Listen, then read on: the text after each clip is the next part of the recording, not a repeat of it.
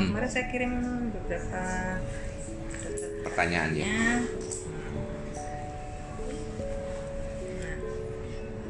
Penyebab dan penanganan baby blues. Hmm. Jadi eh, apa dok bisa diceritakan penyebab baby blues ini di ibu baru?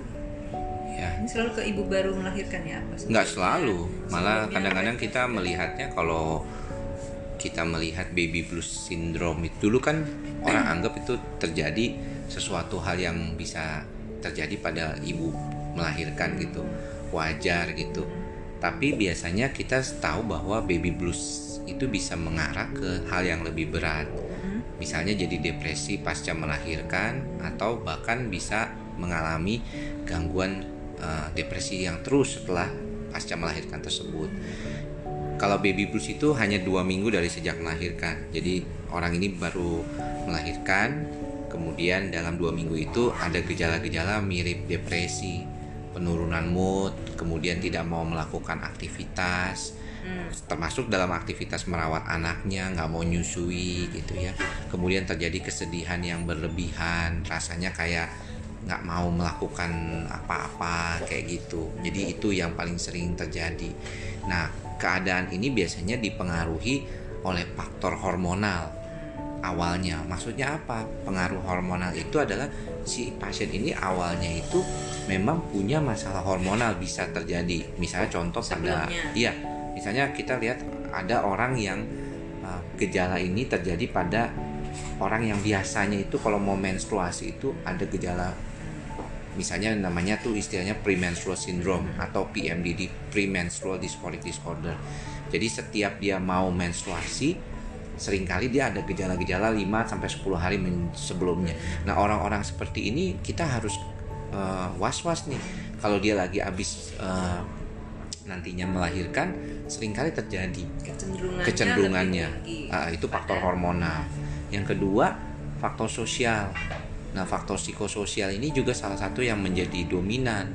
Karena biasanya orang-orang atau perempuan yang tidak ada support system di keluarganya bagus, misalnya suaminya tidak ada atau suami lagi pergi meninggalkan tempat gitu ya, atau dia sendirian, lingkungannya kurang baik gitu ya, misalnya keluarganya ini tidak diharapkan lah misalnya kelahiran ini misalnya sama keluarganya. Nah, itu juga sering kali menimbulkan dampak tuh terjadinya gangguan-gangguan seperti itu.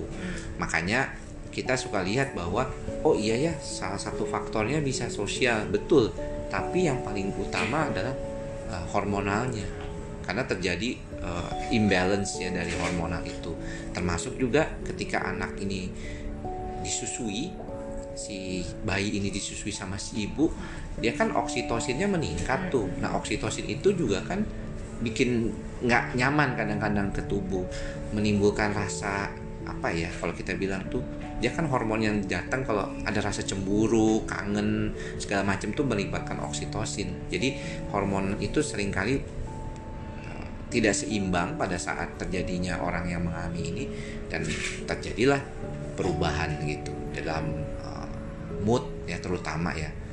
Kalau dalam dua minggu dia masih terus begitu ya kita namakan uh, depresi pasca melahirkan.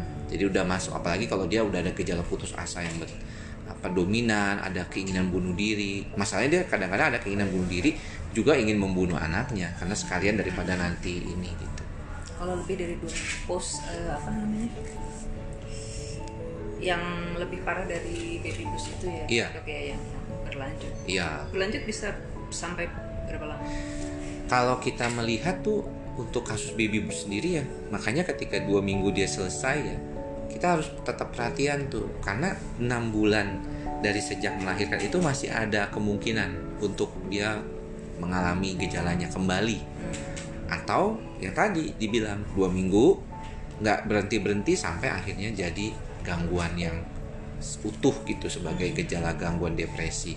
Biasanya kalau gejala depresi itu gejalanya udah mulai ada putus asa kemudian ada keinginan bunuh diri ada tearful ya. Yang paling sering tuh yang nangis terus tuh. Nggak jelas ya ya tanpa nangis. ada perasaan bersalah kenapa begini gitu. Itu termasuk pada kasus-kasus yang pernah saya tangani itu bahkan pada orang yang sebenarnya mengharapkan kehamilan itu. Hmm, hmm. Jadi dia udah lima tahun nggak punya anak dua tahun nggak punya anak eh tiba-tiba punya anak ternyata nggak siap gitu dengan keadaan punya anak tersebut gitu jadi ada kadang-kadang faktor lingkungan mempengaruhi juga gitu Nah, itu biasanya di apa terjadi atau dialami setelah melahirkan apa? Ada yang menjelang menjelang uh, persalinan, Persalinan. itu sudah ada yang mulai ya merasakan itu? betul ada yang kita bilang namanya depresi uh, prepartum jadi uh, prenatal gitu ya jadi sebelum melahirkan gejala depresinya terjadi Hmm. Nah, biasanya kalau orang-orang seperti ini kita harus lihat dulu dia punya riwayat gangguan kejiwaan belum. Jadi, misalnya orang ini depresi sebelum dia hamil ya. Hmm. Nah, kalau lagi hamil lebih berat kadang-kadang gejala itu terjadi. Makanya kita bisa mendap apa ya, menyarankan ya tidak menghentikan pengobatan. Misalnya contoh pada orang depresi bipolar, kemudian juga pada orang yang depresi berat sebelumnya. Lagi berobat tiba-tiba hamil. Kan kita nggak tahu ya. Kita nggak saranin tuh. Kalau misalnya dulunya pernah ada riwayat bunuh diri bahkan atau percobaan bunuh diri atau be- apa depresinya berat sekali biasanya kita nggak saranin penghentian obat. Jadi nggak masalah eh, menggunakan obat pada saat lagi dalam keadaan eh, kehamilan sekalipun. Walaupun ada obat-obat tertentu yang memang tidak bisa dipakai. Jadi itu harus dikonsultasikan ke dokter jiwa kalau begitu Eh, apa namanya? Setiap ibu itu akan mengalami ya baby blues ini. enggak ibu baru Enggak. melahirkan. makanya kalau kita bicara saya sih kepingin orang tuh juga memahami bahwa kadang-kadang ada beberapa grup ada di WA grup atau di kelompok-kelompok support itu ya ibu-ibu hamil gitu ya mereka bingung tuh kalau ada yang baby blues dianggapnya masa sih orang bisa baby blues gitu? Padahal kan mendapatkan kebahagiaan gitu karena ada anak. Saya bilang nggak semua juga loh orang itu bisa bahagia kalau punya anak. Yang tadi misalnya lima tahun ternyata dia udah biasa hidup berdua saja dengan suami tiba-tiba harus ngurus anak. Itu juga bingung. Atau keluarganya nggak ada support system nggak ada atau si suami nggak ada. Jadi nggak selalu terjadi tapi banyak ditemukan. Jadi kadang-kadang ya mereka sembuh sendiri setelah dua minggu selesai nah udah kayak gitu Mungkin nggak si ibu ini tidak menyadari eh, dia sedang mengalami Baby blues. baby blues kayak gitu. Uh, sebenarnya kan rentan kasus gangguan baby blues itu terjadi karena ibu sendiri kebanyakan bertanggung jawab penuh ya terhadap anaknya dan perawatan dirinya. Makanya kenapa kalau tadi nggak ada dukungan itu rada repot gitu. Itu lebih dominan rentan tuh. Kecapean, kelelahan, kurang tidur, nah, itu membuat dia lebih mudah. Tapi kalau misalnya kasus biasa ya cuman begitu aja jadi cuman capek ya eh, nyusuin anak bangun tidurnya nggak cukup lemes abis masca nifas juga kan kurang baik gitu. Kondisinya belum seperti biasanya gitu ya. Masih banyak air makanya gemuknya masih gitu. Tapi setelah lewatin masa itu ya dia oke oke aja. Tapi baby blues beda. Baby blues tuh moodnya tuh jadi kayak swing. Kadang-kadang kayak naik turun tiba-tiba nangis tiba-tiba nggak mau. Ah itu dia. Berubah-berubah itu Ini berat buat yang LDR kan ya pasangan yang apa ya tinggal berjauhan. Tapi kalau long distance relationship asalkan ada misalnya contoh ibunya, oh iya. mertuanya, iparnya membantu. Saya punya beberapa kasus di mana dia memang suaminya tuh jauh gitu ya. Hmm. Dan dia akhirnya harus tinggal sendiri. Dan itu awalnya pertama kali eh, nggak nyaman banget. Tapi setelah kita bantu informasikan edukasi bahwa ini bisa kita bantu misalnya dengan eh, keluarga ada yang support dia untuk lebih baik. Itu bisa ngebantu banget. Proses itu juga ada beberapa nggak perlu pakai obat sebabnya. Jadi nggak semuanya baby blues itu akan mengarah ke depresi dan tidak semua orang baby blues itu akan jadi eh, ini ya apa akan jadi masalah yang harus menggunakan pengobatan atau terapi. Kalau uh, sudah memasuki tahap depresi itu Hmm. kebanyakan ibu baru itu sadar nggak atau hmm, ada nggak ya penolakan juga dari dia gitu? kebanyakan ada penolakan karena mereka sendiri rasanya sudah Tidak tidak, mau mengakui mengu- gitu ya, ya. tidak mau mengurus diri. Beberapa faktor risikonya bisa terjadi karena tadi saya bilang eh, ada riwayat gangguan kejiwaan sebelumnya. Jadi depresi sebelumnya udah ada. yang kedua biasanya ada masalah dengan bayinya dan masalah dengan dirinya jadi misalnya dia ini ada masalah habis melahirkan tekanan darah tingginya tinggi. Atau dulu waktu lagi uh, apa hamil dia preeklamsi. Ya itu kejang gitu ya atau protein urinnya tinggi tuh waktu dia lagi itu itu banyak. Atau anaknya cacat atau anaknya mengalami masalah. Ya kuning ya. Eh, ada tuh orang tua ibu muda yang ngelihat anaknya kuning tuh takutnya setengah mati sampai bikin cemas yang akhirnya mengarah ke gejala-gejala depresi itu bisa juga hal-hal seperti itu makanya kalau dibilang sekarang edukasi uh, ya misalnya antenatal care ya itu sangat penting gitu. ini bisa terjadi ke ibu yang sudah melahirkan oh iya kali ketiga bisa kan? bisa banget hmm. kadang-kadang saya punya beberapa pasien gangguan cemas yang terpicunya saat hamil atau saat melahirkan anak ke dua atau ketiga. Jadi pertama, kedua aman, ketiga mulai gitu. Tapi biasanya sih dokter itu dulu sampai ada satu kasus di mana sebenarnya si pasien ini sudah tidak diizinkan untuk uh, hamil. Lagi yang kedua karena waktu pertama dia mengalami baby blues dan cukup berat. Sampai uh, gejalanya itu berat dan sampai mengarah ke depresi. Harus berobat ke psikiater sampai saat itu. Tapi kemudian ya ya kita kan nggak bisa nyegah orang uh, untuk apa ya untuk uh, hamil kan. Maksudnya jadi hamil lagi timbul lagi. Tanpa rencana mungkin. Bisa jadi. Itu kan yang mungkin ya. Betul. Tanpa rencana KB nggak cocok uh, mau yang lain juga nggak bisa gitu. Jadi ya akhirnya mau nggak mau dia harus terjadi. gitu betul ya. betul. Ada juga.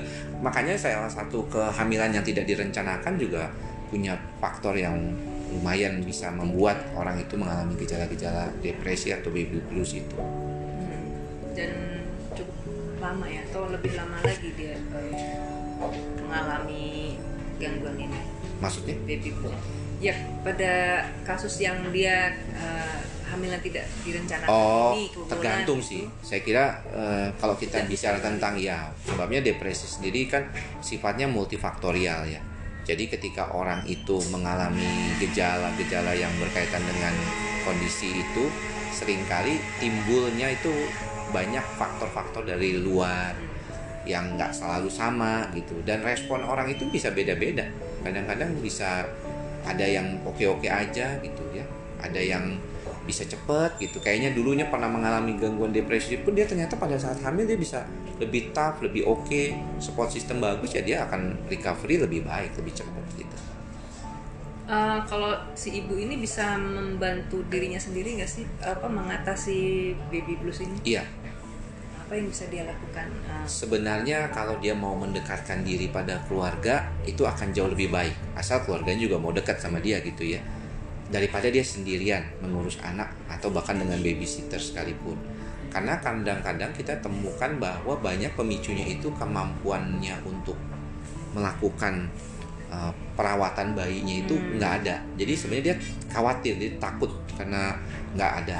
Kedua, persiapkan diri lah saat lagi kehamilan, dukungan dari suami juga menjadi penting. Kemudian juga ditambah dengan bagaimana si orang itu bisa mengelola apa ya mengelola dirinya sendiri gitu. Oh ya ke depannya saya harus uh, mungkin mempersiapkan sesuatu gitu ya.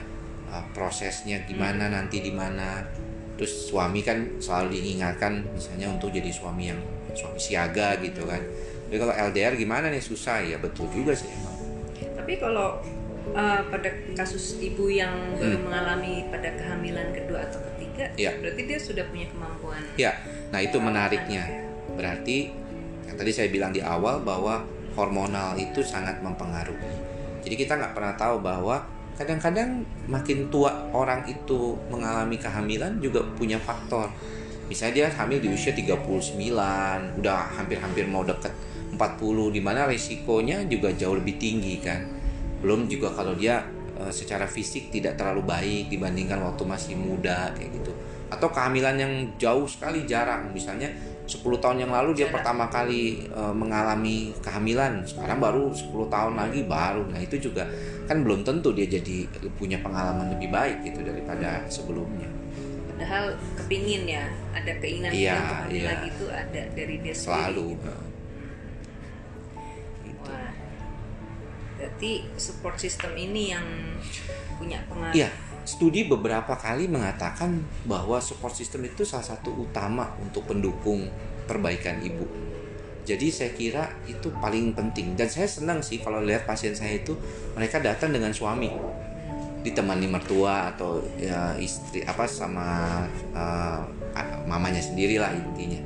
Tapi suami selalu menemani itu menurut saya luar biasa. Itu menurut saya penting. Daripada kalau dia datang uh, sendiri. Karena ada kasus yang berkaitan dengan uh, masalah kejiwaan pasca melahirkan ini namanya psikosis purpuralis. Psikosis purpuralis ini sesuatu kondisi yang berat di mana terjadi gejala-gejala halusinasi dan waham delusi. Jadi itu ada halusinasi yang luar biasa. Memang prevalensinya kecil, di bawah 0,1 persen saja sih, sangat jarang ya. Tapi bukan berarti nggak mungkin terjadi. Saya pernah mengalaminya dari saya punya pasien itu mengalami psikosis purpuralis. Itu lebih ngeri karena halusinasinya itu bisa halusinasi yang bersifat kayak membunuh gitu ya Hmm. atau ngebunuh anaknya sendiri ya kebanyakan sih ngebunuh anak sendiri atau uh, ngebunuh diri sendiri ya jadi uh, bisa homicide bisa suicide gitu Iya kita pernah baca Ada. beberapa yang begitu Ada. sih ya di luar Iya. apa eh, bayangan orang gitu itu ini betul. Pendidikan, kok bisa kayak iya, gitu? Itu ada psikosis purpuralis dan itu sangat uh, kita nggak bisa perkirakan sebelumnya. Jadi dia tidak pernah punya riwayat gangguan jiwa bisa sebelumnya. Tapi terjadi kadang ini. Makanya kenapa awareness tentang masalah ini tuh perlu ditingkatkan menurut saya.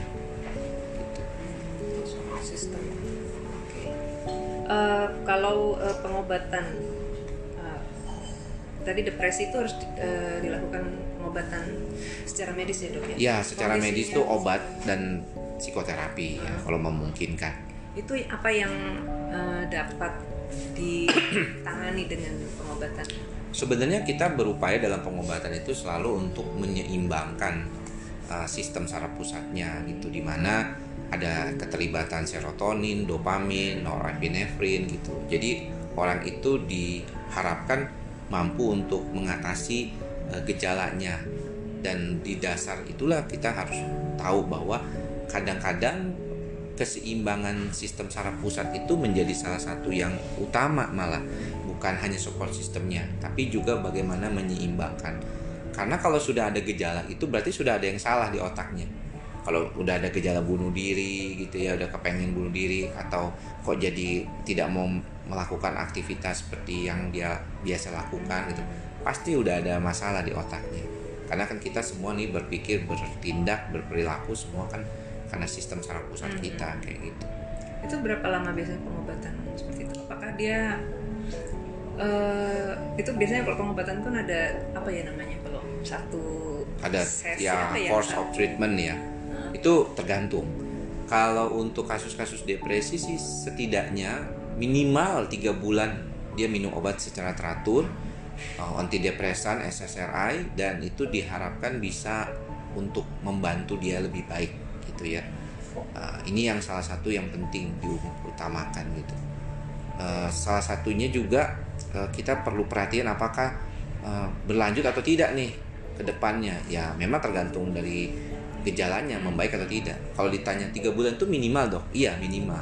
Bisa lama? Bisa. Bisa satu tahun bisa bisa sampai dua tahun bisa mah untuk kasus yang berat tapi biasanya sih rata-rata enam bulanan gitu eh, itu terkontrol ya, artinya dia harus selalu kontrol Iya. ke dokter. Tapi Iya. dia minum obatnya sendiri. Iya. Berarti dia harus ini dong acak ya maksudnya, nggak Iya lolos. nggak Depresi itu kan sebenarnya dia secara insight masih bagus. Jadi artinya dia masih menyadari bahwa dia itu sakit dan butuh pertolongan. Kalau yang memang nggak bisa memahami dia itu mengalami gangguan itu biasanya yang psikotik, yang gangguan schizophrenia itu itu orang suka nggak tahu. Cuman saya kira sebenarnya problem yang dominan berkaitan dengan masalah ini itu lebih kepada stigma. Stigma bahwa kalau berobat ke psikiater itu gila. Stigma bahwa berobat ke psikiater itu bikin orang tuh jadi ketagihan sama obatnya.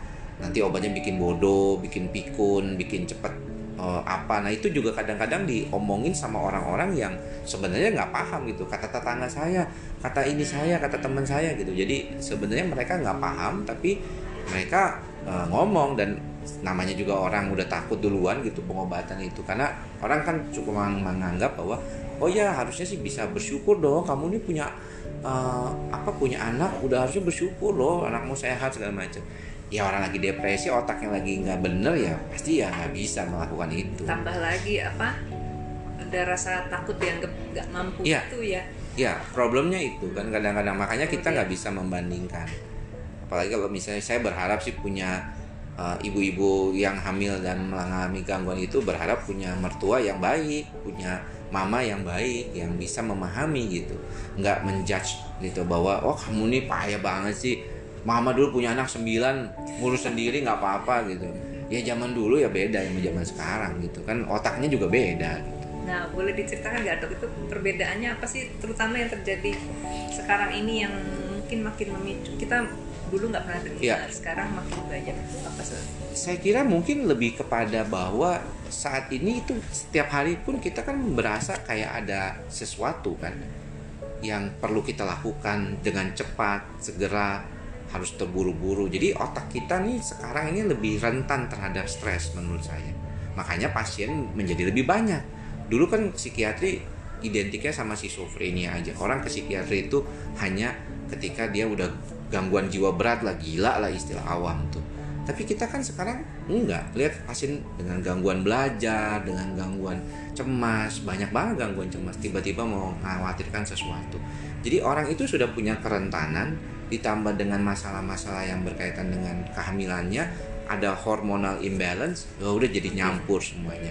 Kalau ditanya dulu kok bisa ya dok ya? Dulu kan distractionnya nggak banyak.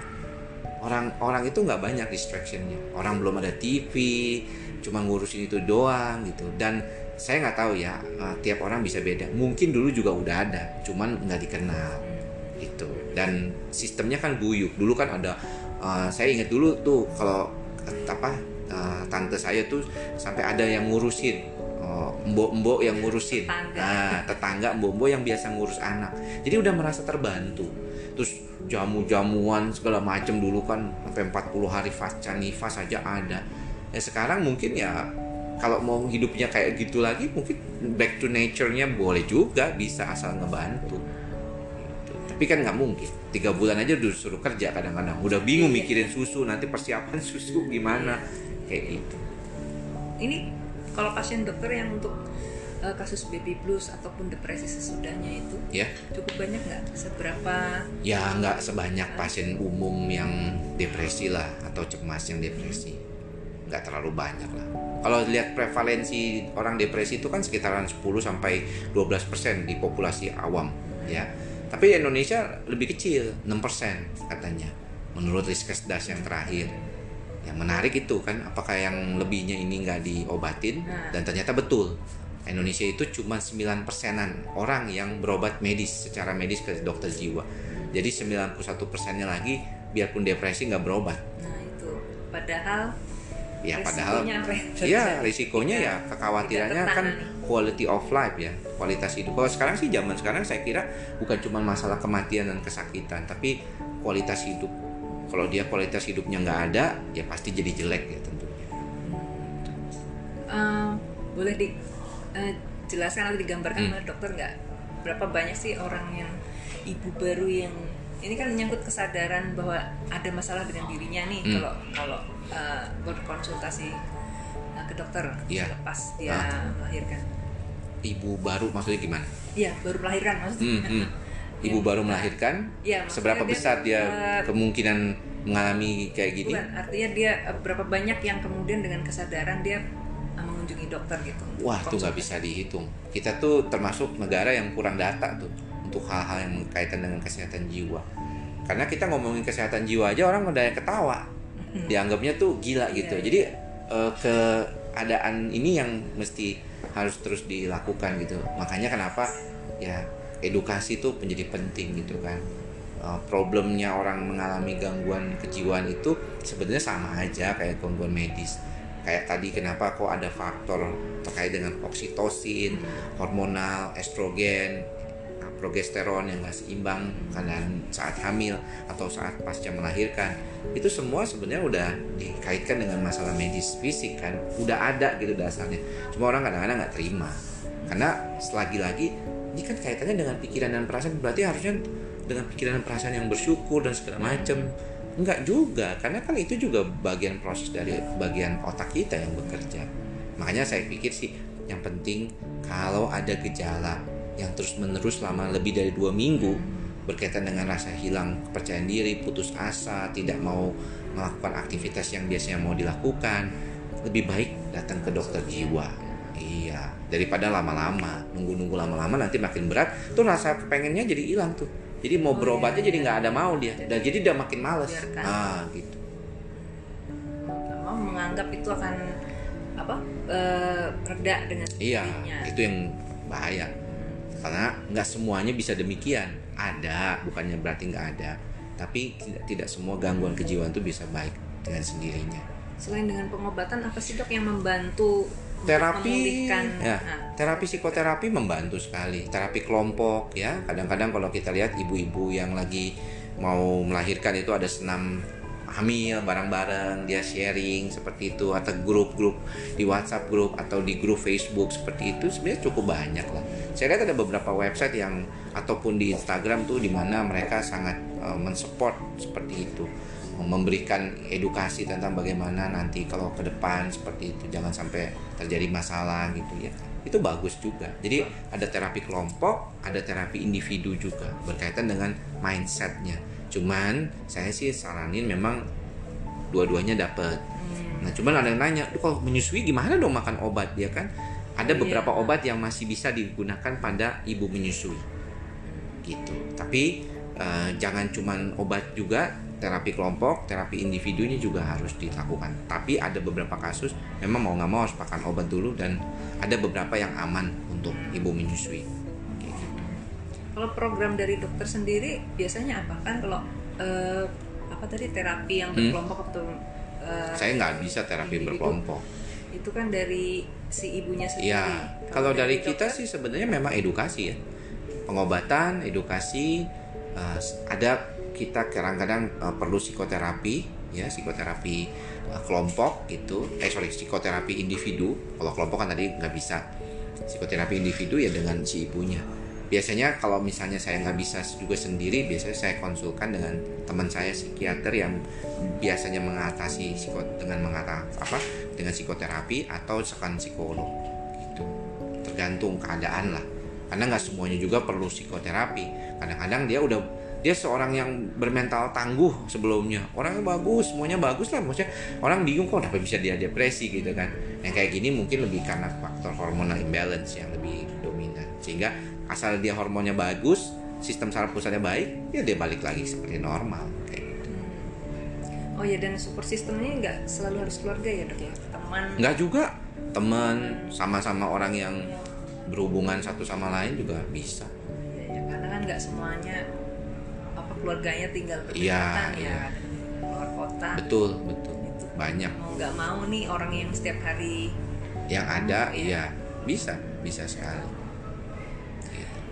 Ada eh, dokter pernah ngalam apa menghadapi kasus yang apa langka atau yang unik atau yang mana berkaitan dengan Ya. atau depresi Enggak sih, Eh, yang paling menurut saya menarik itu dulu pernah saya sekitar 8 atau 9 tahun yang lalu itu eh, dia buta. Nah, buta.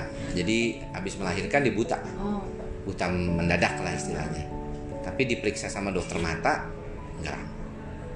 Enggak ada buta, enggak ada. Jadi kita di dalam ilmu kedokteran jiwa tuh mengenalnya seperti gejala yang disebut disosiatif konversi. Jadi ada perubahan dalam bagian jiwanya di mana sepertinya dia tidak mau ngelihat anaknya aja gitu. Jadi dia buta gitu. Tapi benar-benar kayak buta gitu. Tapi diperiksa sama dokter mata sih tidak ada masalah. Eh, dan itu ketika kita kasih pengobatan satu minggu eh, membaik lama-lama membaik lama bisa melihat dan bisa kembali normal. Jadi kayak shock gitu tiba-tiba punya anak I don't know lah. Ternyata sih kalau dilihat gitu ah, ya ternyata setelah dilihat sih katanya ada problem saya juga melihat adanya problem keluarga yang besar dengan si suami yang saat Hmm. itu jadi entah kenapa tiba-tiba jadi buta gitu dan saya dikonsulkan waktu itu sama dokter mata karena sama dokter objinnya juga karena tidak ditemukan masalah sebenarnya berkaitan dengan uh, apa kasus ini gitu. Hmm. ya cuma kita lihat ternyata ya kekhawatiran itu sampai nangis. Dan akhirnya lama-lama setelah dia bisa relief dia punya kekhawatiran uh, kita bantu sedikit lah dengan obat waktu itu. Membaik sih. Seminggu udah oke lagi udah bisa ngeliat kayak biasa. Lah emang nggak buta gitu. Ada Tapi ada yang itu, ada yang ah, gitu. kalau ada namanya maksudnya Hmm. istilah medisnya berarti itu juga apa terjadi Iya, tapi sebenarnya bukan mungkin karit apa masalahnya mungkin berkaitan dengan baby blues sendiri, tapi lebih kalau kita lihat itu kalau ada tiba-tiba buta mendadak itu dan tapi dalam artian secara medis fisik tidak ada, itu bisa pada kasus-kasus disosiatif, ya tiba-tiba lumpuh. Nah, tadinya baik-baik aja tiba-tiba lumpuh itu biasanya disosiatif. Kalau sampai ber- suaranya berubah kayak orang kesurupan, ya kita bilangnya disosiatif trans kan gitu. Jadi di ilmu kedokteran jiwa tuh ada istilah-istilah seperti itu. Iya. ini ya sangat apa beragam ya pak Eh, apa tuh namanya dampak Iya. dari ya dia shock dan Iya. Makanya orang kalau dibilang ya melahirkan itu ya sesuatu peristiwa yang sangat luar biasa gitu ya. Em, artinya juga kita tahu bahwa nggak segampang itu melahirkan dan dampaknya buat eh, ibu dan keluarga itu juga besar gitu. Jadi ya perlu disayang-sayang katanya makanya orang yang lagi hamil dan melahirkan itu kan kalau bisa si bapaknya jangan bikin repot lah ya dengan macam-macam peristiwa kehidupan rumah tangga yang suka jadi makin uh, membuat si ibu jadi makin stres gitu.